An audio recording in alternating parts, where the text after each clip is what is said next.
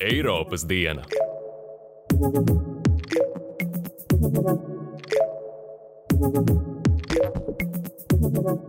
Sveicināti Eiropas dienā!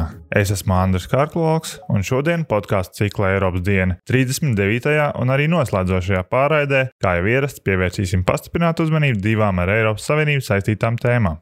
Pirms 40 nedēļām podkāstu ciklu atklāja ar interviju par iespējamo Skotijas atgriešanos Eiropas Savienībā, jau bez citiem britu kaimiņiem, kā arī runāja ar tobrīd svaigi uzsāktās Portugāles prezidentūras Eiropas Savienības padomē pārstāvu par tuvākajā pusgadā gaidāmo. Prezidentūras šajā laikā ir nomainījušās, Skoti joprojām risina attiecības ar Angļiem, bet mēs, kopumā seši podkāstu sērijas veidotāji, šajā laikā padziļināti esam pievērsušies plašam tēmu lokam, no Eiropas Savienības vakcinācijas programmām, kuras šajā laikā uzņēma ātrumu, gan buksēja, līdz Afganistānas, Baltkrievijas un Ķīnas norišu aizvien augošajai ietekmei uz Eiropas politiku. Stāstījām par dzīvnieku glābšanas un kukaiņu ēšanas iniciatīvām, dzelzceļa gadu un zaļo enerģiju.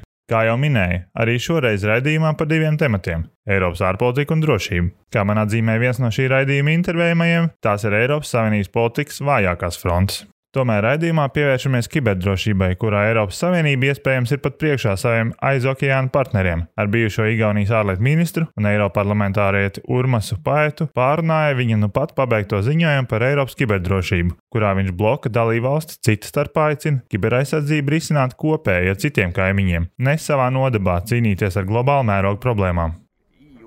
Līdz ar to pagaidām tā nav Eiropas, bet dalību valstu kompetence. No likumiskā un politiskā viedokļa tā joprojām ir lielākā problēma. Manuprāt, ir jāpanāk vienošanās, ka vienkārši tiek pieņemts, ka kiberdrošība ir Eiropas Savienības kompetence. Otra tēma ir pretenciozais Eiropas parlamenta aicinājums un vadlīnijas, lai Eiropas Savienība ar Amerikas Savienotajām valstīm turpmāk veidotu vienlīdzīgu partnerību. Eiropas militārajai lielvarai Francijai, netīkamais amerikāņu zemūdeņu darījums ar Austrāliju, kā arī haotiskā rietumvalstu aiziešana no Afganistānas, likuši saprast, ka Eiropieši nedrīkst un nevar atļauties būt amerikāņu partners bez adekvāta ieguldījuma no savas puses. Uzskata rezolūcijas autors attiecības stiprināšanai ar transatlantisko partneri Eiroparlamentārietis no Horvātijas Tomino Picula. Attiecībā uz aizsardzību ziņojums atbalsta atbildību pārdali transatlantiskās drošības attiecībās, veidojot lielāku pašpaļāvību uz Eiropas Savienības dalību valstīm, lai tā mazinātu ASV slogu. Tam jātiek veidotam, radot sinerģiju starp dalību NATO un Eiropas Savienības aizsardzības nozaru spējām. Pirms iedzināšanās šajās tēmās uzmetīsim acis šī brīža Eiropas aktualitātēm. Vairākas no tām ir cieši saistītas ar ilgstošiem procesiem.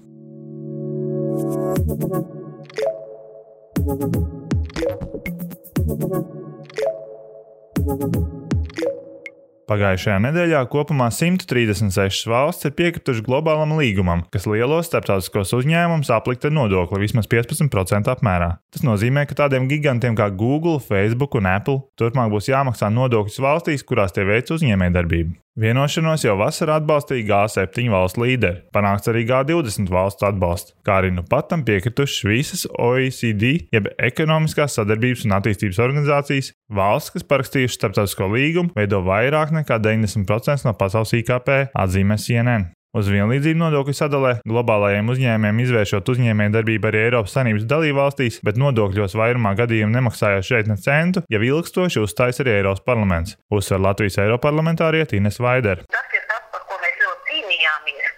Kad es strādāju budžeta komisijā un arī tas ekonomikas komisijā, tas bija viens no mums ļoti, ļoti nopietniem darba virzieniem tieši Eiropas Savienības budžeta pašu līdzekļi un, un arī šis digitālais saucamais nodoklis šeit parādās kā liela uzņēmuma peļņas nodoklis. Tas ir tiešām liels un arī Latvija, protams, no tā ļoti liels labums. Tas nozīmē, ka šīm lielākajām kompānijām pasaulē būs 50% šis ienākuma nodoklis, un tas nozīmē papildus 50 miljardus dolāru gadu. Un mums jāmaksā nodokļi ne tikai valstī, kur šie uzņēmumi reģistrēti, bet tur, kur tie veids darbību un gūst peļņas. Un 100 miljārdu dolāru ik gadu tas tiks, pār, pārdalīts, un tas būs ļoti, ļoti nopietni atsaist arī, piemēram, mūsu ekonomikā, Eiropas ekonomikā, Latvijas ekonomikā, jo šīs lielās kompānijas, kas ir reģistrētas visbiežāk Amerikas Savienotajās valstīs un maksā tur nodokļus, nodarbojas arī mūsu valstī. Un jau jūs arī zinat, ka mēdī arī ir teiksim, reklāma naudas ir aizplūduši šiem jūgļiem un nekas nav atnācis atpakaļ nodokļu veidā. Tā kā tas ir tāds priecīgs uh, moments. Priecīgā momenta realizācija gan vēl būs jāgaida, jo vienošanās panākšana vēl nav galēji uzvara. Piemēram, Amerikas Savienotajās valstīs, kuru prezidents Baidens pats virzīja vienošanās panākšanu G7 samita laikā, bāzēt liela daļa lielo informācijas tehnoloģiju milžu, uz kuriem pirmām kārtām jaunais nodoklis attiektos. Šī iemesla dēļ panākt apstiprinošu divu trešdaļu senatoru balsu, kas ir nepieciešams ratifikācijai viņu mājās, varētu izrādīties vēl gadiem ilgs process bez zinām iznākumu.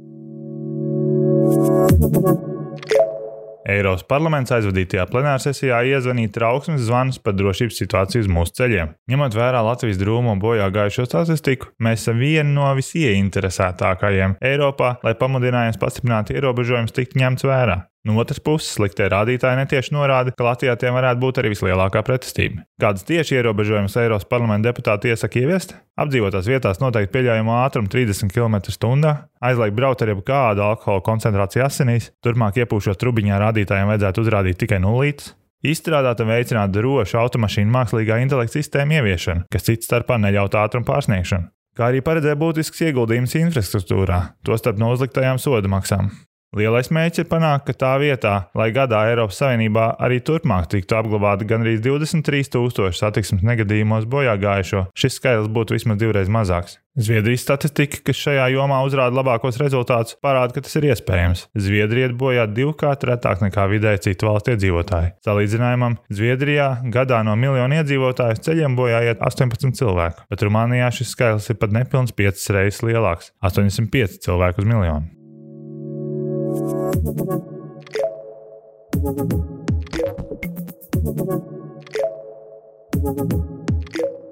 Tieši Eiropas parlamenta plenārsesijas nedēļas sākumā negaidītas tehniskas problēmas piedzīvoja Facebook un ar to saistīti Instagram un WhatsApp servisi. Uz sešām stundām nepieļaujot tajos saziņu. Daudziem ar to pietika, lai apzinātos pārlieku atkarību no šiem kanāliem, jo izrādījās, ka citu saziņas kanālā noteiktiem cilvēkiem vai cilvēku grupām nemaz nav. Tāds neliels reality check, cik svarīgas ir tehnoloģijas. Lai tam līdzīgi pārtraukumi mūsu aizvien digitalizētākajā vidē būtu mazāk, Eiropas parlamentā nu pat apstiprināts Igaunijas urmas pēc mudinājums Eiropai stiprināt kiberaizsardzību. Problēmas risinot ne nacionālā, bet transeiropeiskā līmenī, uzrunāja bijušo Igaunijas ārlietu ministru tūlīt pēc debatēm par viņu ziņojumu. Jūs minējāt vakardienas Facebook incidentu, kas iespējams nemaz nav kiberuzbrukums, bet pēdējā laikā mēs daudz dzirdam par uzbrukumiem ASV, cauruļvadu infrastruktūrai, slimnīcām. Tikmēr Eiroparlamentārietis no Dānijas, Mortens Lokigārds, debatēs pieminēja, ka sev par pārsteigumu nu pat uzzinājis, ka mēs, Eiropa, esam kiberkara vidū. Kāda ir situācija un kāpēc mēs nedzirdam neko daudz par kiberuzbrukumiem Eiropas Savienībā?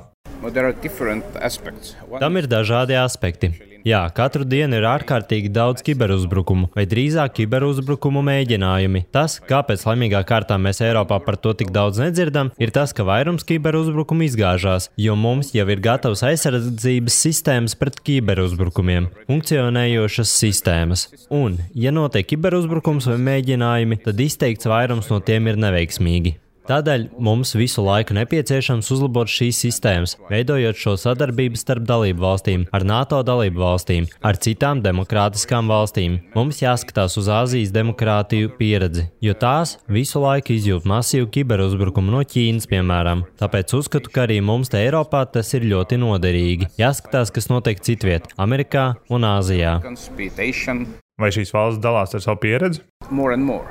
But, uh, Aizvien vairāk un vairāk. Bet, protams, lai dejotu tango, ir nepieciešami divi. Šajā ziņā nepieciešams izveidot apusēju uzticību, jo dažkārt notiek tā, ka tas, kas jau reiz bijis Āzijas valstīs, atnāk uz Eiropu vēlāk, un mēs jau tad esam labāk tam sagatavojušies. Jā, šogad pieredzēts vairāk kiberuzbrukumu nekā pērn, bet tikai daži no tiem bija veiksmīgi. Turklāt ir vēl atsevišķa apstākļus - kiberuzbrukumi privātām kompānijām. Tā joprojām ir tāda kā nedaudz pelēkā zona, jo joprojām ir kompānijas, kuras nevēlas dalīties savā pieredzē, ka tām uzbrukts un kādu informāciju ienaidnieks no tām ieguvis. Tāpēc šajā ziņā ir izšķirīgi svarīgi sagatavoties nākotnē, uzlabojot dalīšanos ar informāciju arī starp privātām kompānijām un valsts institūcijām. Tas viss lielā mērā ir par informāciju, par prasmīgiem cilvēkiem un sadarbošanos Eiropas līmenī. Tā ir starptautiska problēma, un arī labākā atbilde var būt starptautiska ne tad, kad katra dalība valsts mēģina to darīt pati, jo tas nav efektīvi. Nav efektīvi gan izmaksu, gan struktūras ziņā, jo tam vajadzētu būt daļai no Eiropas aizsardzības sadarbības ietvara. Jūs runājat par nepieciešamību vēl ciešāk sadarboties starp dalībvalstīm. Pastāvīgā struktūrētā sadarbība, jeb PESCO, ir labs piemērs, bet vai institūcijas, kas atbild par kiberdrošību, jau pat labi nesadarbojas? Tās sadarbojās, bet to var darīt labāk. Problēma šajā gadījumā ir tas, ka skatoties tikai no likumiskā aspekta, tā ir aizsardzība, bet aizsardzība ir tikai dalību valstu atbildība. Eiropas līmenī vienoti var darīt tikai tik daudz, cik dalību valstis atļauj darīt. Līdz ar to pagaidām tā nav Eiropas, bet dalību valstu kompetence. No likumiskā un politiskā viedokļa tā joprojām ir lielākā problēma. Manuprāt, ir jāpanāk vienošanās, ka vienkārši tiek pieņemts, ka kiberdrošība ir Eiropas Savienības kompetence. Bet vai attiecībā uz sadarbību ar NATO dalībvalstīm ideoloģiski mēs esam gan vienoti, piemēram, ar Turciju, vai šai sadarbībai kiberdrošības jautājumos jūs saskatāt ierobežojumus? Protams, pamatā teorētiski pastāv ierobežojumi, un tie nāk no vienas vai otras valdības politiskās ieinteresētības. Tomēr, ja skatos praksē uz to, kas reāli kiberdrošības tāpā ir noticis, redzam, ka no visiem aizsardzības jautājumiem tieši kiberdrošība ir viena no tām, kurā gatavība sadarboties gan Eiropas Savienības, gan NATO dalību valstu vidū ir daudz augstāka nekā citās klasiskajās aizsardzības jomās. Mēs joprojām dzirdam, ka šur tur skeptiski spēki nevēlas aizsardzības savienību, bet šī pretestība nav tik izteikta kiberaizsardzības jomā. Lēmumu pieņēmēji saprot, ka kiberaizsardzība nav klasisks aizsardzības jautājums, bet uzbrukums var uzreiz kaitēt ļoti plašai sabiedrības daļai. Piemēram, Facebook gadījums, pat ja nebija uzbrukums, ļoti labi demonstrēja, kādas var būt problēmas šajā jomā. Šī iemesla dēļ uzskatu, ka starp visām šīm aizsardzības jomām kiberdrošībā sadarbība var būt visā visattīstītākā. Kādi mums ir pieejami instrumenti reakcijai pēc kiberuzbrukuma? Viens ir sankcijas, bet vai arsenālā ir arī citi? Šajā ziņā nav liela atšķirība no citiem konflikta veidiem. Klasiskajām sauszemes gaisa, jūras un kosmosa telpām tikai pievienojusies kibertelpa. Runājot par to, kā sodīt slikto zēnus, neviens nav radījis labākus risinājumus, kā izplatīt politiskus paziņojumus, iespējams ieviest ekonomiskas sankcijas un kā galējo soli izmantot militāru sodīšanu. Tas arī attiecās uz kibertelpu. Ja kāds pārkāpj starptautiskus likumus, rīcība ir tāda pati. Vienīgi spēka lietošana šajā gadījumā ir kiberpretuzbrukums. Piemēram, ja ir skaidrs, no kurienes nāk kiberuzbrukumi, tad pastāv iespēja atbildēt, piemēram, šīs serveru sistēmas izsitot no ierindas. Vai Eiropa to ir izmantojusi? Yes, has, but, uh... Jā, bet tikai gadījumos, kas saistīti ar terorismu. Piemēram, uzbrukot serveriem, kas izplata teroristu grupējumu sludināto, piemēram, rekrutēšanas propagandu. Šajā ziņā kibertelpa no reālās tik ļoti neatšķiras. Tikai kiberuzbrukumu gadījumu ziņā bieži ir grūtāk noteikt, no kurienes vispār dažādie uzbrukumi nāk, bet tas ir iespējams. Ir arī teikts, ka kiberdrošība būs būtiska daļa no gaidāmā strateģiskā kompasa, jeb ģeopolitiskā aizsardzības un ārlietu politikas plānošanas dokumenta. Kā tā iekļaujas? Tas ir saistīti, tas iet roku rokā. Ja ar kādām valstīm ir saspīlējums, tad mūsdienās ierasti seko arī kiberuzbrukumi, vai pat kiberuzbrukumi ir jau kļuvuši par pašsaprotamu katra konflikta sastāvdaļu. Tas notika un joprojām notiek Ukrainā. Mēs runājam par klasiskajiem militāriem draudiem Donbasā un Krimā, bet līdzās tiem vienmēr bijuši arī kiberuzbrukumi. Vai, ja skatāmies uz Sīrijas karu, tam vienmēr līdzās bijuši kiberuzbrukumi. Ja skatāmies uz Ķīnas agresīvo uzvedību pret Taivānu ar visiem militāro lidmašīnu lidojumiem viņu gaisa robežās, tos vienmēr pavada kiberuzbrukumi. Līdz ar to kiberuzbrukumi jau ir ļoti būtiska starptautisko attiecību daļa, īpaši runājot par aizsardzības politiku. Eiroparlamentārietis Ivars Ievs parlamenta debatēs pieminēja, ka kiberdrošība ir tā aizsardzības nozare, kurā var izpausties nelielās valsts kā Latvija un Igaunija. Vai arī jūs to tā redzat, un vai patiešām esam spējīgāki šajā ziņā par lielām valstīm? Well, yes, one... Viena no mazo un vidējo valstu priekšrocībām ir tā, ka tas, kas skaitās, ir spējas un apzināšanās. Mūsu sabiedrības vidē ir zinošāks par kiberdrošības problēmām. Piemēram, Igaunijā mēs bijām vieni no pirmajiem, kas cieta jau pirms 14 gadiem, 2007. gadā. Līdz ar to mēs šajā nozarē esam sākuši attīstību salīdzinoši daudz agrāk nekā citas Eiropas valstis. Protams, tas prasa arī resursus, cilvēkus, finanses, bet joprojām, ja ir skaidra politiskā vēlme, izpratne un izglītoti cilvēki, tas ir iespējams. Mēs visus šos 14 gadus Igaunijā un tagad arī Eiropas Savienības līmenī šim riskam veltījām lielu uzmanību, vienmēr brīdinot arī citus, ka pieredzētais ir tikai pirmās pazīmes, bet kļūs sliktāk un jābūt gataviem. Patstāvīgā NATO kiberdrošības centra, kā arī Eiropas Savienības informācijas tehnoloģija aģentūras vadības mītnes atrašanās Igaunijā, protams, mums dod arī starptautisko zināšanu pienesumu. this information.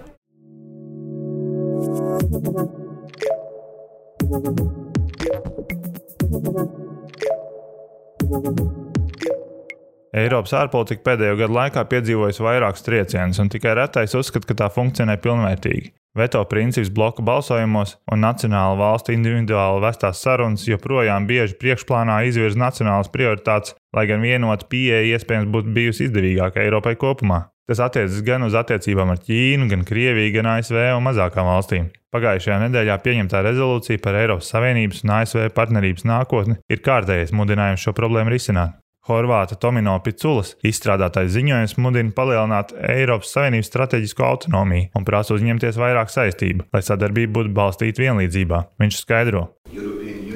Eiropas Savienībai un ASV ir svarīga iespēja atjaunot attiecības un kopā būt stiprākiem globāliem partneriem, balstoties uz likumos balstītu kārtību. Eiroparlamentārieši aicina abas puses izmantot iespējas, kuras radījusi Džo Baidena ievēlēšana par ASV prezidentu un atdzīvināt svarīgo transatlantisko partnerību. Jā, ir laiks labāk sadarboties daudzpusīgos jautājumos, kā klimata pārmaiņas, digitālā un zaļā pārēja, demokrātija un starptautiskā drošība. Es uzskatu, ka ir svarīgi arī pasvītrot jau vairāk nekā 75 gadus ilgušo ASV un Eiropas Savienības sadarbību, kas veicinājusi Eiropas attīstību un labklājību un veiksmīgu integrāciju, kā arī kļuva par pamatu stabilitātei un drošībai. Protams, mēs aicinām ASV atgriezties pie šīs likumos balstītās daudzpusīgās pieejas, kas rada iespējas atsākt sadarbību ar ASV, lai kā vienlīdzīgi partneri kļūtu stipri kopā, ņemot vērā abu pušu balstīšanos liberāli demokrātiskās idejās. Picula atzīmēja, ka Eiropas parlaments arī aicina uz koordinētu pozīciju pret Krieviju un Ķīnu, lai vienot meklētu ārpolitisko un drošības politikas risinājumus, iestājoties par cilvēktiesībām. Diskusijas parlamentā par to ilga vairāk nekā trīs stundas, un dažādu valstu, dažādu politisko spēku viedokļi par abu globālo ekonomisko milžu, Eiropas Savienības un ASV nākotni, saprotam iemeslu dēļ, ievērojami atšķīrās. Attiecībā uz aizsardzību ziņojums atbalsta atbildību pārdali transatlantiskās drošības attiecībās, veidojot lielāku pašpaļāvību uz Eiropas Savienības dalību valstīm, lai tā mazinātu ASV slogu. Tam jātiek veidotam, radot sinerģiju starp dalību NATO un Eiropas Savienības aizsardzības nozaru spējām. Picolo atzīmēja, ka Eiropai ārpolitika jāveido balstoties arī nesenajā pieredzē Afganistānā ņemot vērā ievainojamākos kaimiņu rajonus Austrum partnerības valstīs, kā arī Rietumbalkānos. Līdz ar to mums ir jābūt labāk koordinētiem, jāņem vērā visas atšķirības starp ASV un Eiropas Savienību, kuras eksistē šobrīd, jo laiki mainās. Protams, mums joprojām jāturpina paļauties arī uz ASV, un es zinu, ka tas ir mainīgs temats, jo Amerika pati mainās un saskaras ar virkni iekšēju problēmu, bet jebkurā gadījumā mums ir jāturpina mūsu sadarbība mūsu iedzīvotāju un visas pasaules demokrātijas labā. Jūs pieminējāt labākas aizsardzības politikas nepieciešamību. Debatēs par to varējām dzirdēt ļoti dažādus viedokļus. Kamēr viena uzstājas tūlītēji pašas Eiropas aizsardzības spējas stiprināšanu, citi iestājās par nepieciešamību veidot spēcīgāku diplomātiju, lai tā pretstāvētu citiem spēkiem. Kāda ir labākā aizsardzības politika jūsu skatījumā?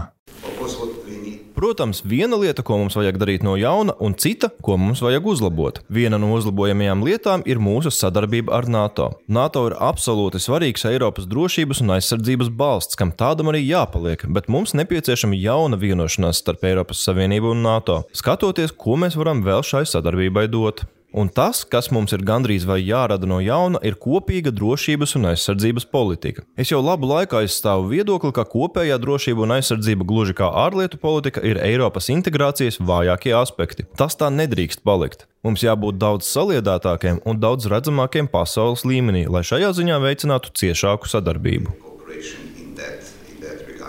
Jūs uzsverat, ka Eiropas Savienībai attiecībās ar ASV jābūt partnerim vadībā, ņemot vērā, cik ļoti ASV ir koncentrējušās uz Ķīnu, cik tās ir polarizētas, kā šāds sadarbības modelis tiek uzlūkots no ASV puses. Es domāju, ka tas ir iespējams, jo mūsu sadarbībai ar Amerikas Savienotajām valstīm ir ļoti liela nozīme, ja mēs atliekam malā Ķīnas jautājumu. Mēs varam šo problēmu izkrāsot ideoloģiskās krāsās, bet nav iespējams ignorēt faktu, ka mūsu savienība attīstīja pašu veiksmīgāko ekonomisko sadarbību pasaulē. Starp abiem blokiem abos Atlantijas okeāna krastos ik gadu tiek apgrozīts aptuveni triljons ASV dolāru, un abas ekonomikas kopā veido 43% no pasaules iekšzemes koprodukta. Protams, Ķīnai ir liela nozīme, bet nedrīkstam ignorēt jau pastāvošo sadarbības līmeni starp ASV un Eiropas Savienību. Un nedomāju, ka Vašingtona vai Brisele būtu gatava riskēt zaudēt jau sasniegto un panākto vienošanos par sadarbību. Bet Ķīna ir ļoti ietekmīga, un mums tam ir jāpievērš liela nozīme sarunās ar amerikāņiem.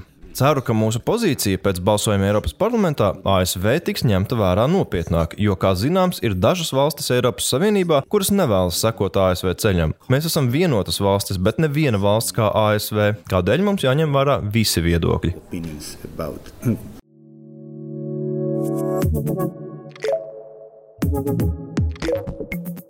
Raidījuma izveidi finansiāli atbalsta Eiropas parlaments.